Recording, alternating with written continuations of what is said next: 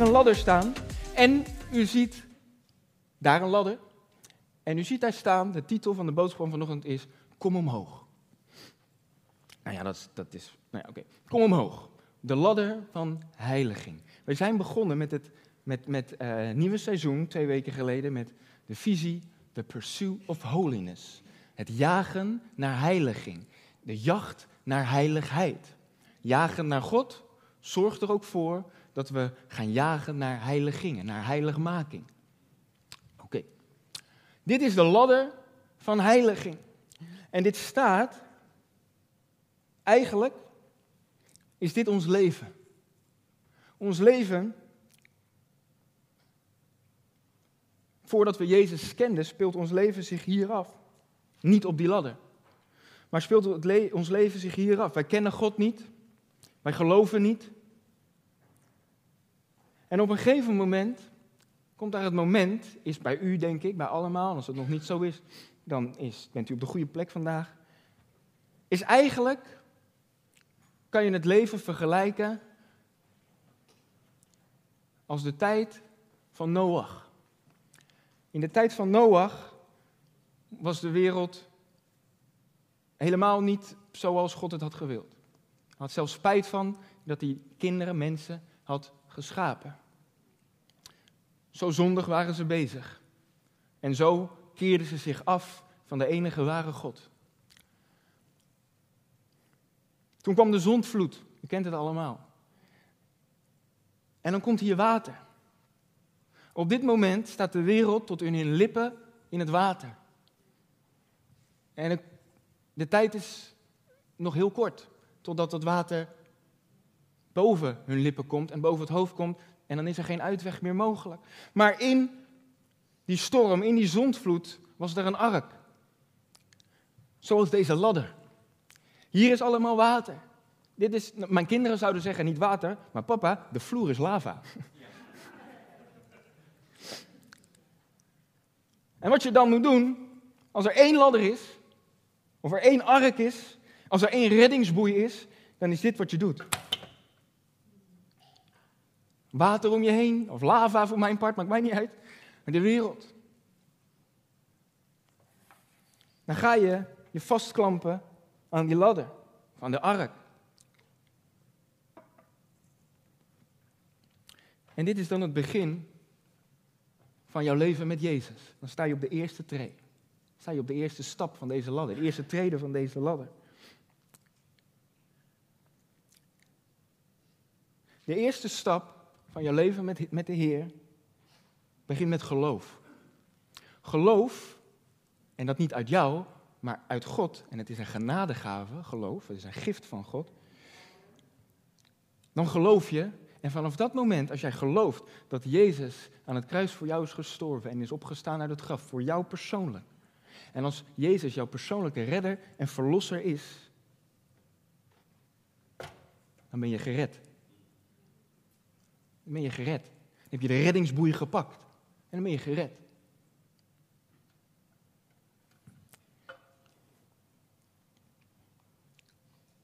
Maar het is Gods wil. God heeft meerdere treden gemaakt in het leven voor jou. God heeft een plan voor je leven, dat horen we heel vaak. Dat zijn plannen van treden, van stappen die je moet nemen in het leven met de Heer. Kijk, die eerste trap, dan ben je je bent, je bent gered door het bloed van Jezus. Je bent gered door de Zoon van God, door het kruis. Maar Gods wil, staat in 1 Thessalonicense 4, vers 3. Wat is Gods wil? Uw heiliging. Hij wil je heilig maken.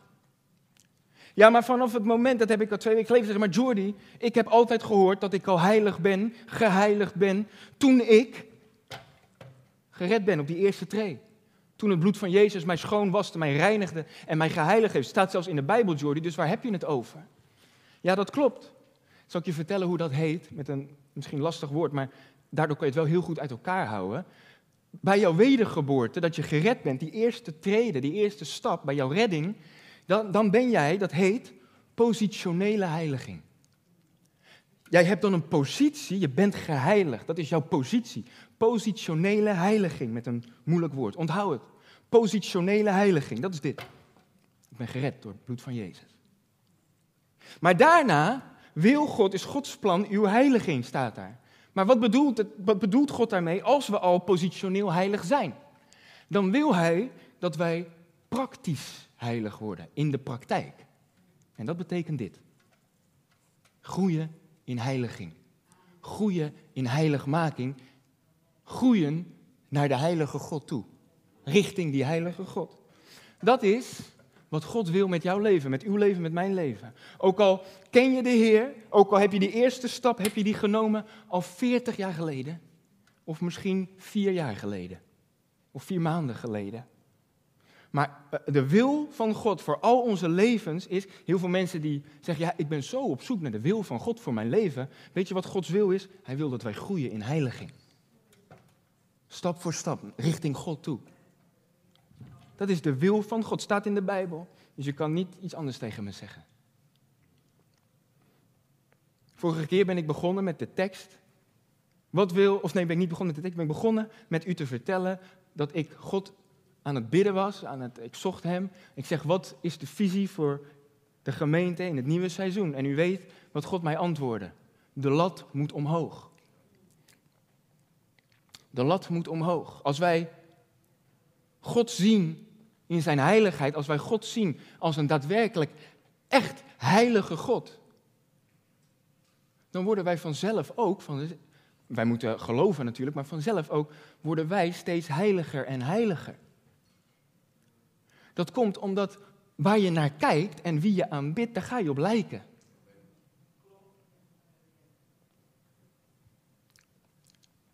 Weet je waar de meeste mensen vandaag de dag het meest naar kijken? Ik heb hem nu niet bij me, want hij zit daar in dat ding, maar dat is de telefoon. De, de spiegel waar de meeste mensen het meest van de dag in kijken, dat is de spiegel van hun telefoon.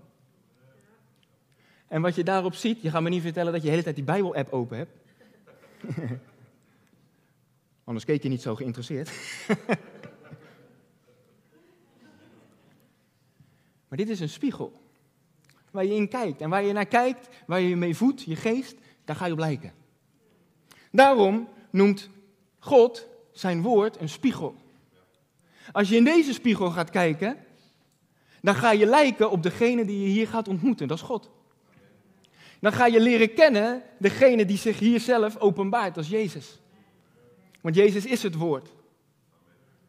Dus als dit jouw spiegel is, dan ga je hierop lijken. Als je telefoon jouw spiegel is waar je het meest van de dag in kijkt, dan moet je goed bij jezelf te raden gaan, wat bekijk ik op die telefoon? Dus ik hoort allemaal niet bij deze preek, ik had dit allemaal niet staan, maar oké, we gaan gewoon wat langer door. Uh, de meeste van, ik vind mezelf nog best jong, maar de meeste jonge mensen die, uh, waarom lach je?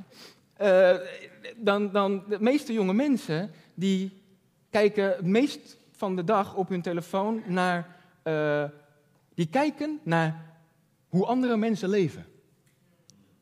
Naar Instagram, TikTok, weet ik het wat allemaal, ik weet het niet. Tenminste, ik weet hoe het heet, Instagram en TikTok. maar, maar Um, zonder dat je het weet, zonder dat je het weet, zonder dat je het weet, vind je die levensstijl wel heel cool en wel heel tof. En denk je dat dat normaal is? Dan denk je dat dat de levensstijl is die jij ook zou moeten hebben. Daarom zijn heel mensen ongelukkig, omdat de mensen waar ze naar kijken, die hebben veel meer geld. En dan word je ongelukkig, want je kijkt in die spiegel en dan denk je, ja, ik wil wel zo leven eigenlijk, maar ik heb, ik heb dat helemaal niet. ik wil dit en dat uitgeven, maar ik kan dat nooit bereiken wat ik, wat ik bij die miljonair zie, want dat, dat, dat, dat haal ik toch niet. Dan word je heel ongelukkig van. Als je gaat willen en verlangen en begeren wat andere mensen hebben. En zeker als dat ook nog eens een keer natuurlijk eh, nou niet het beste voorbeeld is waar je naar kan kijken. Ik weet niet waarom ik dit moest zeggen, maar knoop het in je oren. Als je jong bent, als je oud bent, kan het ook net zo goed, hè? Ik bedoel, uh, oude mensen zitten ook gewoon op de telefoon. Ik uh, WhatsApp ook gewoon uh, met mijn ouders. nee hoor, sorry, grapje.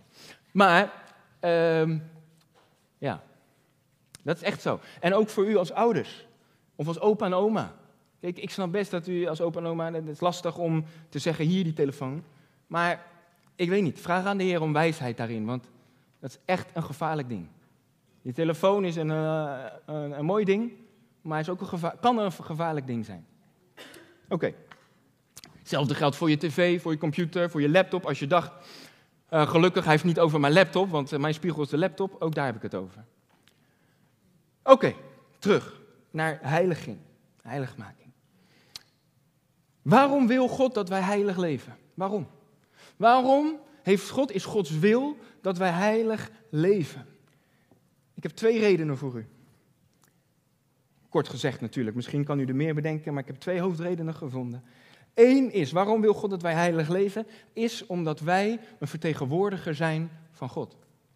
Als wij heilig leven, dan openbaren, en we gaan daarom op Jezus lijken, openbaren wij Jezus aan de wereld om ons heen. En als de wereld ziet hoe heilig wij kunnen leven, dan zullen ze bij af, zichzelf gaan afvragen, als die kinderen heilig zijn, nou, hoe heilig moet die God die zij volgen dan niet heilig zijn? Door heilig te leven, openbaar en verheerlijk je Jezus. Dat is één.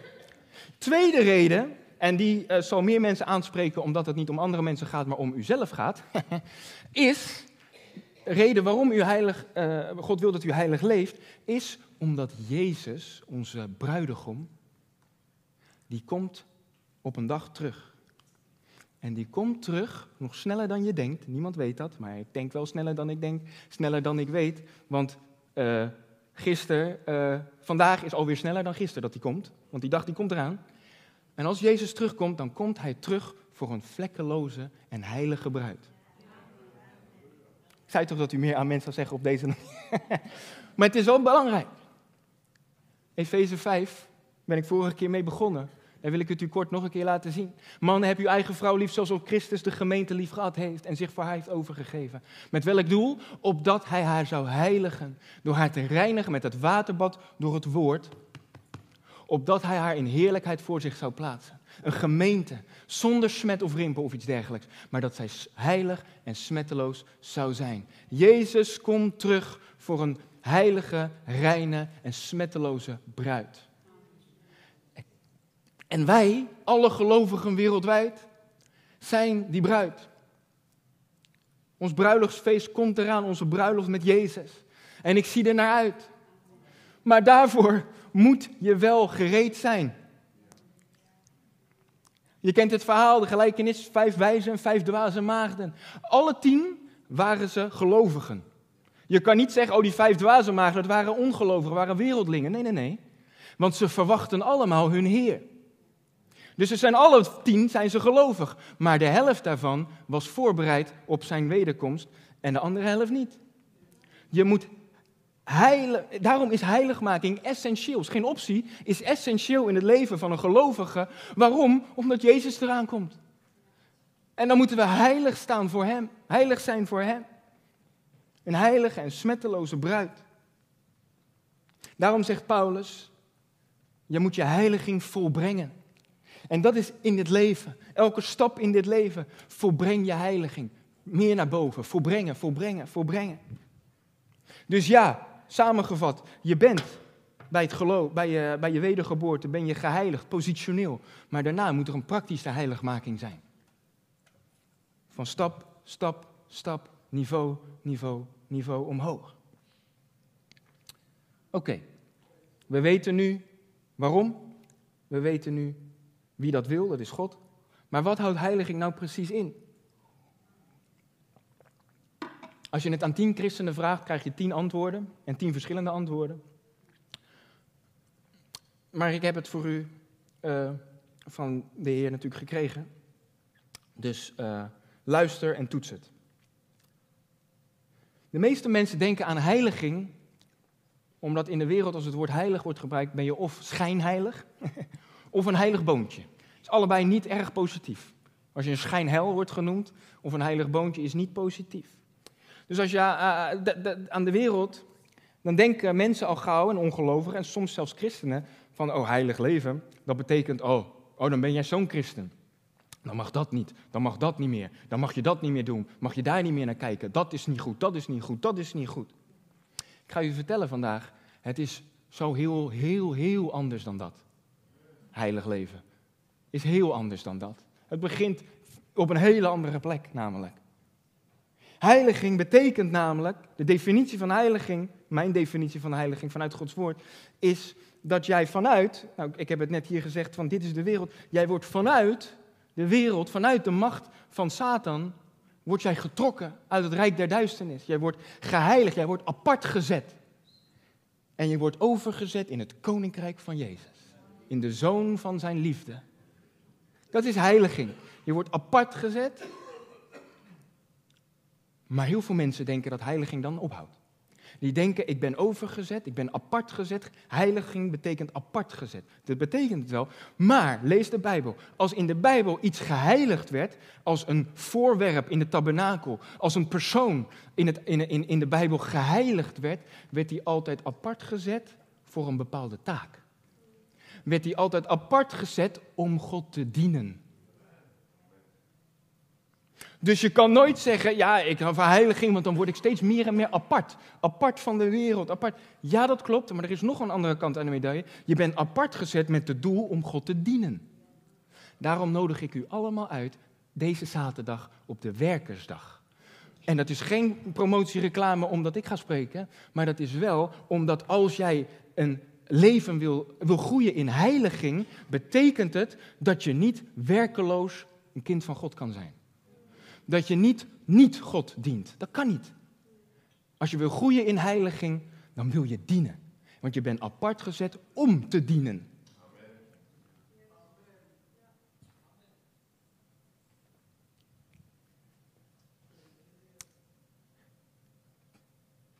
Dat heb ik allemaal gezegd.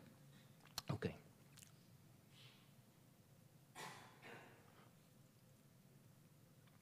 Hoe ziet die heiliging dan eruit? Die, die groeien in heiliging, die stappen op de ladder van, van heiliging op de, op, op mijn, in mijn leven. Hoe ziet dat er dan uit? Wat er gebeurt is, als je gelooft aan het begin, die eerste tree, dan word je,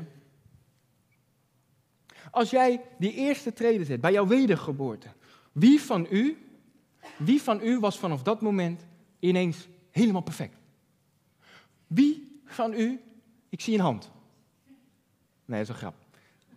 U wilde bijna omkijken wie, wie dat was. Die schijnheilige. Er is niemand, niemand vanaf je wedergeboorte ineens perfect. Sterker nog, ik ken de Heer al, weet ik veel, uh, vanaf mijn elfde heb ik mijn leven aan, uh, ik ben nu, ja, 25 jaar bijna. 23 jaar, 22 jaar. Ik ben ook nog niet perfect.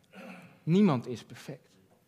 Maar wat God wel wil, is dat vanaf dat moment, vanaf je wedergeboorte, dan krijg je Jezus in jou wonen. En die gaat zijn karakter in jou van binnenuit veranderen.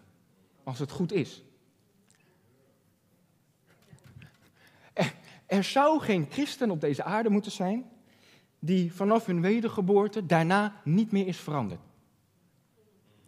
Want een leven in, van heiliging, een leven met Jezus, maakt jou, gaat jou veranderen, gaat je transformeren. Gaat jou, je, handel en wandel wordt anders, jouw praten wordt anders, jouw denken wordt anders, jouw hart wordt anders. Want in jouw hart is Jezus komen wonen. Er is niemand die echt kan zeggen, ik heb Jezus in mijn hart wonen, maar ik ben nog precies dezelfde als toen ik ongelovig was. Dat, dat klopt niet. Dat klopt niet. Daarom uh, in de kerken waar wordt gepredikt dat je als je je leven aan de Heer geeft, zondagsgebed hebt gebeden, makkelijk, één keer bidden en daarna hoef je niks te veranderen. Dat klopt niet. Want, want van binnenuit ga je dan veranderen. Niet omdat mensen zeggen dat je moet veranderen, maar van binnenuit ga je veranderen. Hoe, hoe kan het ook anders als er een bovennatuurlijke God in jou is komen wonen? Hoe, hoe kan het dan anders?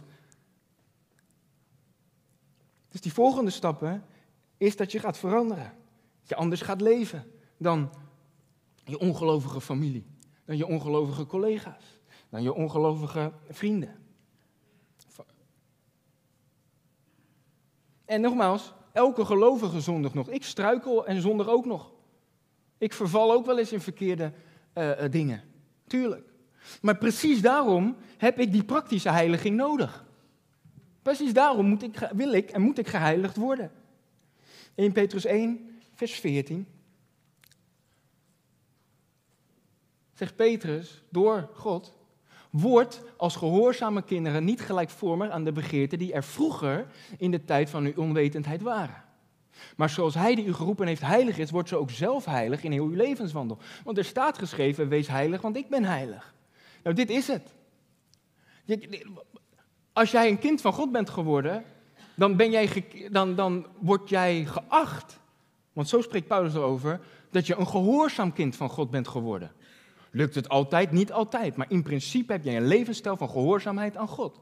En dan zegt hij, ja, dan kan het niet zo zijn, als jij een kind van God bent, dat je dan daarna weer teruggaat in de, in de, aan de, in de begeerten die er vroeger in de tijd van uw onwetendheid waren. Want toen wist u niet beter. Maar nu, als kind van God, en als het goed is heb je de waarheid leren kennen, want je hebt Jezus leren kennen, de weg, de waarheid en het leven, krijg je andere verlangens. Heb je andere begeerten. Waarom? Omdat hij die u geroepen heeft heilig is. Wordt zo ook zelf heilig in uw levenswandel. Want hij is heilig. En hij roept ons op, hij beveelt ons om ook heilig te zijn.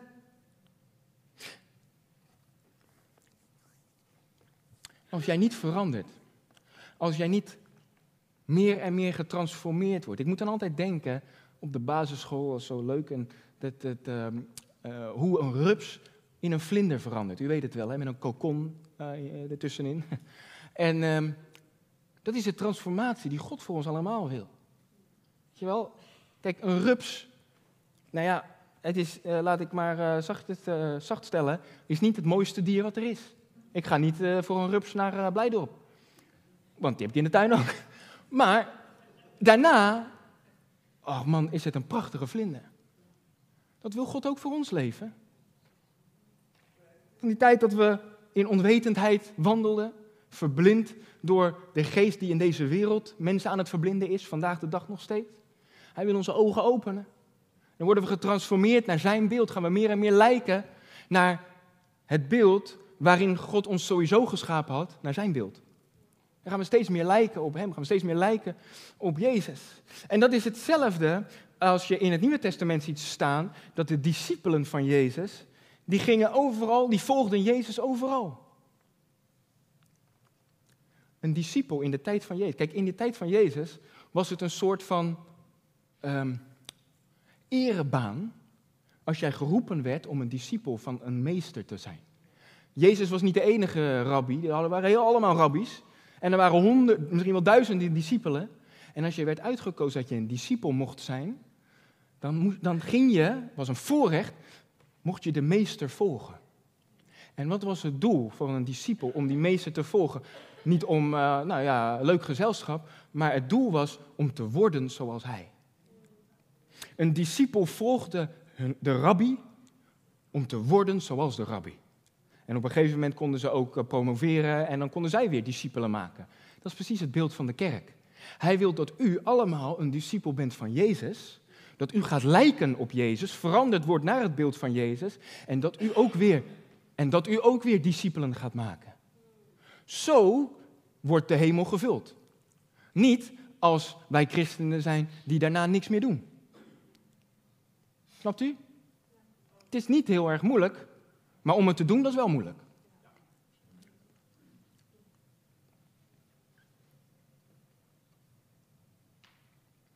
Meer en meer, hoe meer we achter Jezus aangaan, worden we geheiligd. Meer en meer sterft die oude mens met al die oude begeerten van vroeger, die sterft in ons. Die sterft af. En we gaan van slaven van zonde, gaan we naar dienaren van de gerechtigheid. U was in uw onwetendheid, in uw, onbekeerde, uh, in uw onbekeerde staat, in uw ongelovige staat. Misschien denk je van ja, maar ho hoezo ben ik een slaaf van de zonde? Mijn oma bijvoorbeeld. Ja, niet mijn oma, maar even, uh, zeg je dat? Figuurlijk gesproken. Ja, Jordi, mijn oma, mijn opa, Die is niet gelovig. Oké, maar het is de liefste man die je ooit gaat ontmoeten. Hij doet geen vliegkwaad en hij doet goede dingen voor mensen. Hij helpt andere mensen. Hij doet alles goed. En dan ga jij mij vertellen dat hij niet gered is. Terwijl hij nog veel beter leeft dan alle christenen uh, in de kerk. Het is best lastig om daar antwoord op te geven. Maar de, het enige juiste antwoord is, is dat wij allemaal pas gered zijn als we geloven in Jezus. Hoe goed we ook leven. Maar als we niet geloven in het offer van Christus, dan kunnen we een nieuwe 2023 versie van Moeder Teresa zijn. Nou ja, goed, zij geloofde, maar je snapt wat ik bedoel. Zelfs de paus die kan niet uit zichzelf heilig leven hoor. En Moeder Teresa ook niet. We hebben allemaal Jezus nodig. Dat is de enige redding. De enige redder en verlosser. Waarom vertelde ik dit? Ja, ja dat, wij waren allemaal slaaf van de zonde. Want als je niet God dient, snap je? En begrijp me niet verkeerd, hè? je moet goed, moet goed begrijpen dat ik hier totaal niet een evangelie verkondig wat zegt door uw werken kunt u gered worden. Nee, helemaal niet, juist niet. Wij kunnen alleen maar gered worden door het geloof in het offer van Christus. Het bloed van Jezus. Alleen dat. Ik zeg dus ook niet, zoals uh, helaas uh, we vaak horen uh, van andere christenen, predik ik ook niet een evangelie dat zegt, je moet eerst, als je bij ons in de kerk komt, dan moet je eerst helemaal je gedrag aanpassen. En netjes lopen.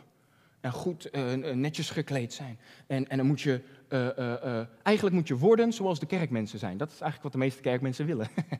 dat je wordt zoals zij. Als je in onze pas loopt, dan hoor je erbij. En bij Jezus is het precies andersom. Kom zoals je bent. Met al je rotzooi. Met al je zonden. Met al je fouten en je tekortkomingen en je karaktereigenschappen die je aan eigenlijk geen enkel mens wil laten zien, want ze zijn zo lelijk. is, dat, is, is dat God zegt, kom maar zoals je bent. Jezus zegt, kom maar zoals je bent. En daarna, daarna, daarna kom ik in jouw leven. En daarna ga ik jou heiligen en kan je veranderen naar mijn beeld. Niet andersom. Dat is een vals evangelie. Dat is religieus. En dat is religie. Gelukkig heb ik goed nieuws. En dat heb ik al een paar keer gezegd. Hoeven wij dat niet uit eigen kracht te doen? Als jij gaat zoeken naar heiliging uit eigen kracht. Als jij gaat zoeken naar heiliging op eigen kracht. Zonder een relatie met God te hebben. Zonder het dus samen met God te doen Weet je wat je dan wordt? Een schriftgeleerde of een fariseeër. Als jij heilig wil worden en je gaat streven naar heiliging, je gaat jagen naar heiliging zonder geloof in Jezus, dan ga, ga je krijgen wat de fariseeërs hadden, laten zien wie ik ben en uh, ik leef zo goed. En dat is niet de bedoeling. Gelukkig hoeven wij dat niet op eigen kracht te doen. Want niemand kan uit zichzelf heilig leven. Niemand maar het is Jezus in jou. Als jij, Jezus, als jij in Jezus gelooft en je neemt Hem aan op die eerste treden van die ladder, dan komt Hij in jou wonen.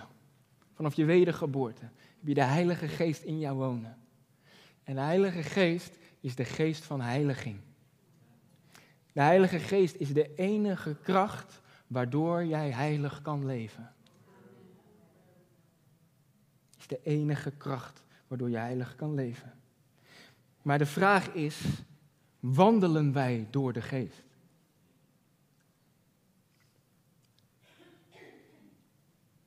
Betrekken wij Hem? Luisteren we? Raadplegen we Hem als eerste stem als we voor keuzes staan? Wat wilt u, Heilige Geest? Welke kant moet ik op, Heilige Geest? Openbaar mij de weg die God heeft voor mijn leven, o Heilige Geest. En als je leeft, als je daarnaar luistert, naar zijn stem. En als je wandelt door de geest, elke stap van je leven, in alles, hè? Zelfs als je boodschappen gaat doen, zelfs als je uh, werk, uh, op je werk bent. Je Heilige Geest die spreekt wel, maar of wij luisteren, dat is de vraag. Als je luistert en als je toelaat en als je je leven overgeeft aan Hem, dan word je meer één met Hem. En hoe meer je één wordt met Hem, en je gaat in eenheid leven met Hem, dan gaat jouw oude mens vanzelf dood. Dan gaat je oude eigen ik en je ego met al die oude vervelende karaktereigenschappen en die karaktertrekken, die gaat vanzelf dood. Lees maar Galaten 4, Galaten 5, het staat er vol mee. Dat de begeerten van onze ledematen, die gaan dood wanneer we gaan wandelen door de geest. Misschien ben je hier en dan denk je, ja, ik, ik vind het zo erg, maar ik ben al twintig jaar of tien jaar eh, wandel ik met de Heer, maar ik verval nog zo vaak in die karaktertrekken van die oude ik die ik ben. Ik heb het ook. Ik heb het ook.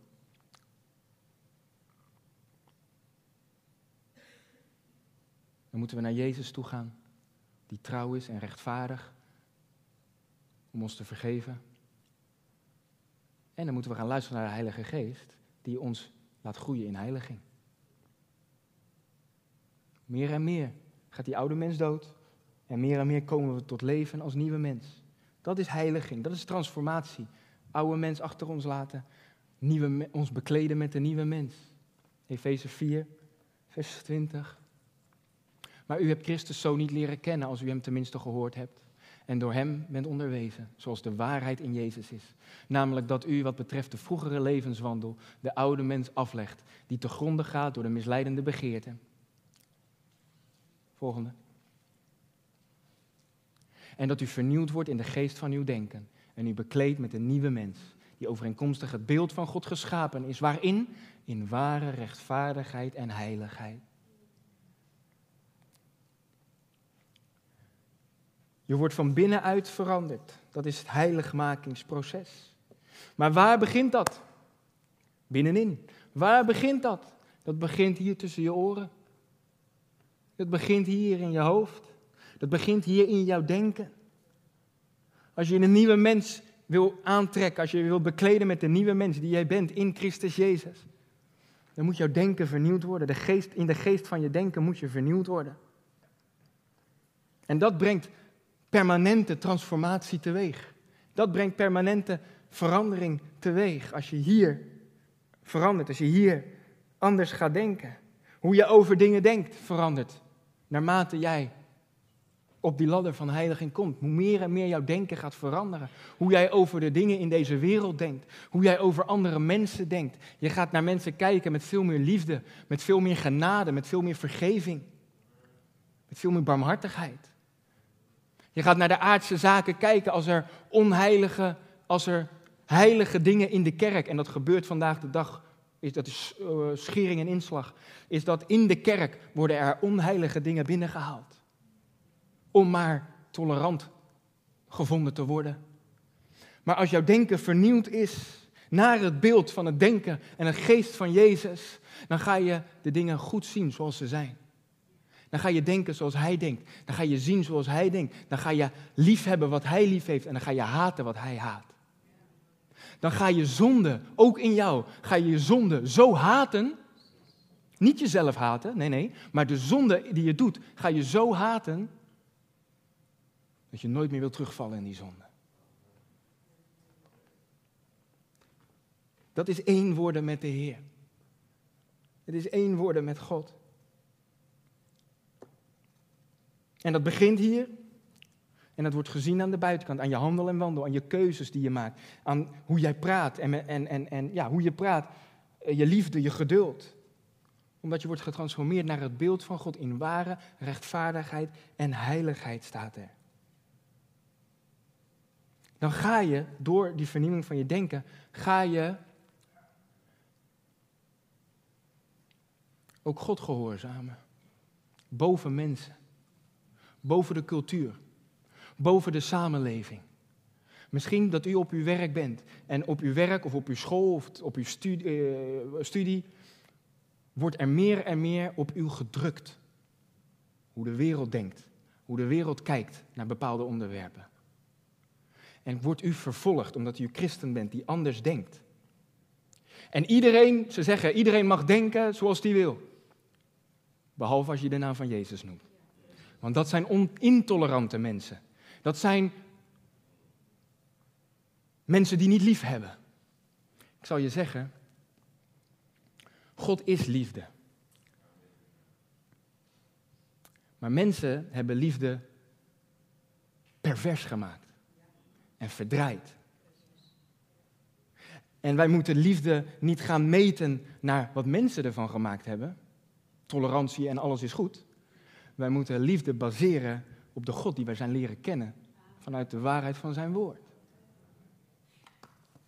Is geen populaire boodschap, maar ik moet hem brengen, want het is de waarheid. En ik zeg je, laten we lezen, Johannes 8, vers 31, wat Jezus zegt over het blijven in zijn woord. Johannes 8, vers 31, volgende slide. Als u in mijn woord blijft, bent u werkelijk mijn discipelen. En u zult de waarheid kennen en de waarheid zal u vrijmaken. Halleluja. De waarheid zal u vrijmaken. En Jezus en God, die wil dat niemand verloren gaat.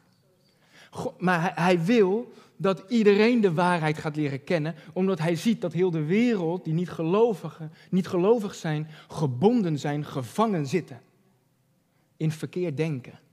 En daarom wil God dat wij de waarheid gaan prediken, zodat de waarheid in hun denken kan komen en de waarheid maakt vrij. De waarheid maakt vrij. God huilt als hij ziet dat de wereld gevangen is in misleiding. Hij wil ze de waarheid leren kennen. Hij wil zichzelf leren kennen. En dat is ook bij mij zo gekomen. Dat is ook bij mij gegroeid op die ladder van heiliging. Ik was ook niet vanaf hier en ineens dacht ik perfect zoals Jezus. Toen ik uh, tien of vijftien jaar geleden, toen ik uh, gewoon op school zat, op middelbare school zat, toen dacht ik ook anders over bepaalde dingen. Toen dacht ik ook, ik, al, mijn vrienden, het enige waar ze over praten, dat is porno. Mijn vrienden praten alleen maar over uh, seks en over porno en over weet ik veel wat allemaal. En toen dacht ik, ja, als ik dat doe, als ik daar naar kijk en ik, ik, ik doe uh, zondige handelingen daarbij, wie, wie doe ik daarmee kwaad? Niemand ziet het, niemand weet het. Het is gewoon iets voor mezelf, eventjes lekker even, even ontspannen. Maar nu heb ik door de waarheid, doordat ik de liefde van de Vader heb leren kennen, steeds meer en meer en meer, ben je gaan ontdekken dat dat een verdraaiing is van het plan van God, van het design van God, van het ontwerp van God, waardoor je nooit, als je daarin wandelt, gelukkig kan zijn. Want waar geluk vind je alleen als je wandelt in de wegen van de Heer. Hetzelfde met seks binnen het huwelijk. Gods design is seks binnen het huwelijk, binnen het verbond van het huwelijk. Maar vroeger dacht ik, ja, mijn vrienden die gaan eh, op zaterdagavond uh, met Jan en al, met, uh, ja, niet met Jan en Alleman, maar met Han, Johanna en Alleman of zo. Maar goed. Uh, ja.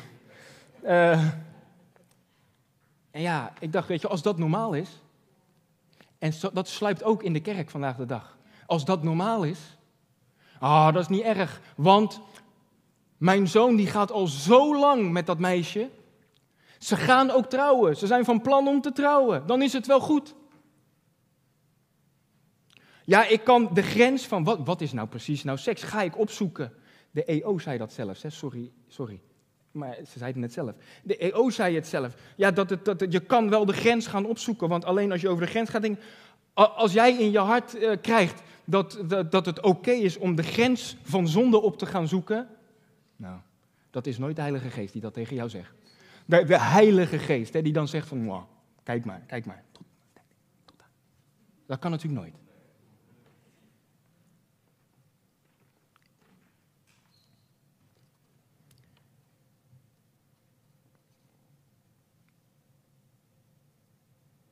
Jezus zegt, als jullie van deze wereld zouden zijn, dan zou de hele wereld u lief hebben. Maar omdat u nu van mij bent en u bent niet meer van deze wereld, zullen alle mensen u haten. Vind ik dat een leuke boodschap om te prediken? Helemaal niet. Maar ik sta wel voor mijn God en voor zijn woord en voor de waarheid van zijn woord. Want daardoor worden mensen gered, daardoor worden mensen vrijgemaakt. Niet door allemaal tolerante dingen in de kerk te krijgen. Daarmee wordt niemand gered.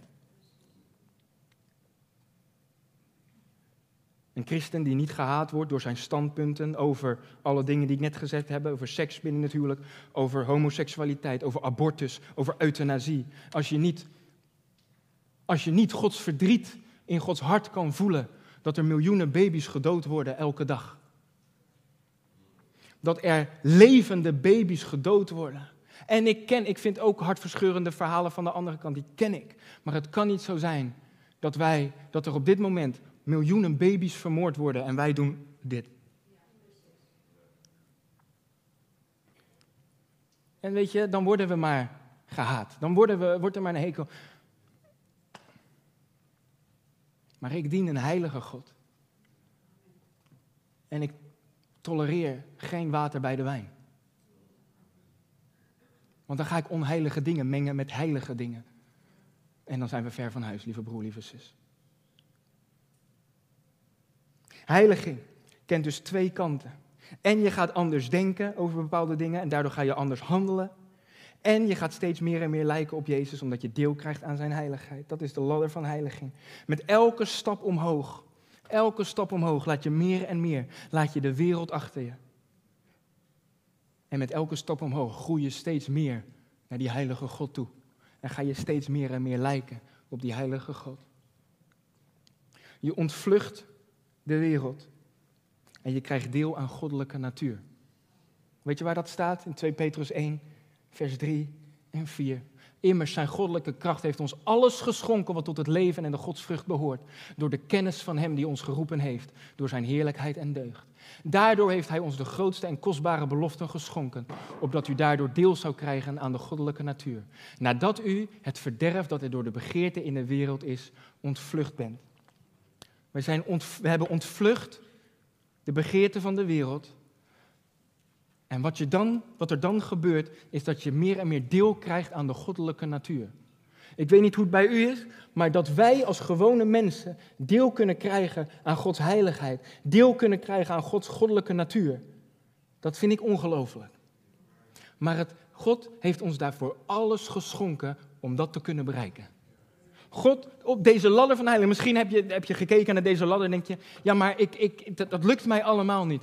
Ik ben hier om u te zeggen en u te garanderen, God heeft u alles geschonken. Al. Hij heeft u alles al geschonken wat er voor nodig is om het proces van heiliging te volbrengen. Waarom? Omdat Hij zijn Heilige Geest al in u heeft gegeven. En de Heilige Geest is alles. Is alles. Daarom zou de Heilige Geest je beste vriend moeten zijn. Want Hij is alles. Hij doet het. Jij gelooft, maar de Heilige Geest doet het. Jij gelooft, maar de Heilige Geest brengt het tot realisatie. Maar laatste, ene laatste vers, 2 Korinthe 3, vers 18. Hoe worden wij veranderd? Door wie worden wij veranderd? Nou, wij allen nu, die met onbedekt gezicht de heerlijkheid van de Heer als in een spiegel aanschouwen, dan heb je de spiegel weer, worden van gedaante veranderd naar hetzelfde beeld, van heerlijkheid tot heerlijkheid.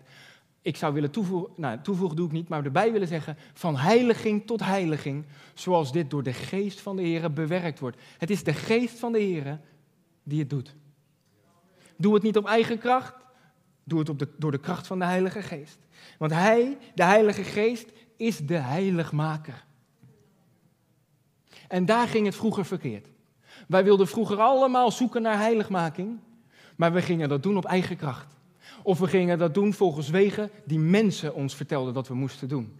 Maar als wij ons zouden hebben, als wij, zou, als wij ons zouden overgeven aan de Heilige Geest, dan is Hij het die ons heilig maakt.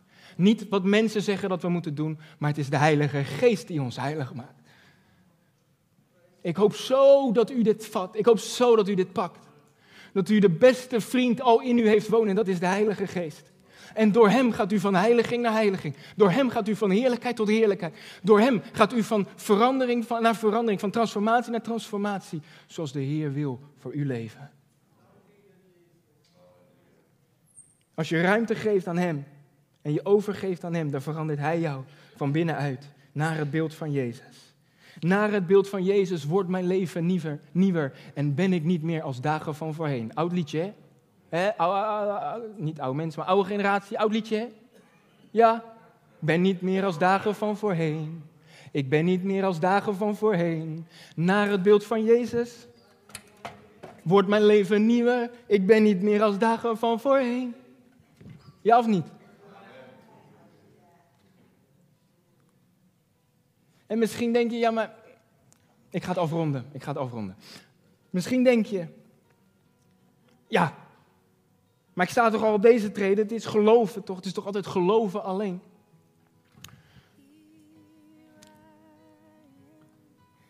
Wist je dat? Misschien denk je dat jij een keuze hebt gemaakt voor God bij jouw bekering. Maar jij had echt geen keuze voor Jezus kunnen maken zonder de Heilige Geest. Het is de Heilige Geest die jou trekt. Die jou trekt en laat zien, dit is Jezus. Luister naar Hem. Geloof Hem. Al bij de eerste stap die jij hier hebt gezet, was niet je eigen keuze hoor. Ja, op een gegeven moment moet je wel kiezen, natuurlijk begrijp me niet verkeerd. Maar het is al de Heilige Geest die jou al getrokken heeft naar het hart van de Vader toe. Toen jij nog ongelovig was, was het de Heilige Geest die jou trok. Daarna is het de Heilige Geest die jou bij de hand neemt. Bij elke stap in het groeien van heiliging is het de Heilige Geest die jou naar boven trekt. En die jou meer en meer maakt zoals Jezus. Het is de Heilige Geest die jou leidt in alle waarheid, die de Bijbel voor jou opent. En die jou leidt in alle waarheid. Nog een oud liedje. Zal ik weer zingen? Komt ineens in mijn oud liedje voor de oude generatie. Zal ik zingen voor u? Neem mijn hand en leid mij, Heilige Geest. Leid gij mij iedere dag. Slevensweg kan ik niet gaan, o Heer, zonder uw geest. Leid mij steeds in al de waarheid, Heer. Want u bent de waarheid. Opdat niets mij zal verleiden, Heer. Maar ik alleen u zal volgen, Heer. Oké? That's it. That's it. Nu ga ik niet meer zingen. Is genoeg geweest. Amen. Laatste wat ik ga zeggen. Misschien denk je, heb je dit allemaal gehoord en denk je, ja maar dat betekent dat ik moet gaan streven. Dat betekent dat ik moet gaan forceren. Dat betekent dat ik moet gaan vechten om, om iets te bereiken. In het koninkrijk van God kom je juist omhoog door naar beneden te gaan. Door op je knieën te gaan en je over te geven. Geloven is niet forceren. Oh, ik geloof, ik geloof, ik geloof. Geloven is ik vertrouw op u, Heer. Ik forceer niet. Ik vergeef me over aan u, Heer. U wil dat ik, dat ik een heilig leven ga leiden. Doe het maar, Heer. Ik vertrouw op u. Dat u mij gaat helpen. Dat u het gaat doen. Zullen we allemaal opstaan?